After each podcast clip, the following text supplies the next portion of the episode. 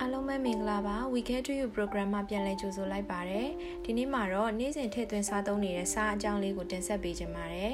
စားရဲ့ကျန်းမာရေးအကျိုးကျေးဇူးတွေကတော့သွေးပေါင်ကျဆင်းခြင်း hypotension ကိုကာကွယ်ပေးခြင်းခန္ဓာကိုယ်အတွက်လိုအပ်တဲ့ရေနဲ့ဓာတ်စားများကိုထိန်းညှိပေးခြင်း thyroid အကျိတ်လုပ်ငန်းဆောင်တာများကိုအထောက်အကူပြုခြင်းအာယုံကြောစနစ်ကျန်းမာစေခြင်းနဲ့ကောင်းမွန်စွာအိပ်ပျော်စေခြင်းတို့ပဲဖြစ်ပါတယ် အသုံးများတဲ့စားတွေကတော့ပင်လယ်စား၊စပွဲတင်စားနဲ့ပန်းရောင်စားတို့ပဲဖြစ်ပါတယ်။ American အာဟာရဆိုင်ရာအကြံပြုချက်တွေအရတာမန်လူတယောက်ဟာတစ်နေ့ကိုစားပမာဏ2300 mg ထက်ပိုမစားသင့်ပါဘူး။ဒီပမာဏဟာလက်ဖက်ရည်စွန်းတစ်စွန်းနဲ့ညီမျှပါတယ်။သွေးကြိုစီးကြိုသွေးတိုးကြောက်ကက်ယောဂနှလုံးယောဂစတာတွေရှိတဲ့သူဆိုရင်တော့စားသုံးတဲ့စားပမာဏကိုပုံမှန်လူထက်လျှော့ရမှာပါ။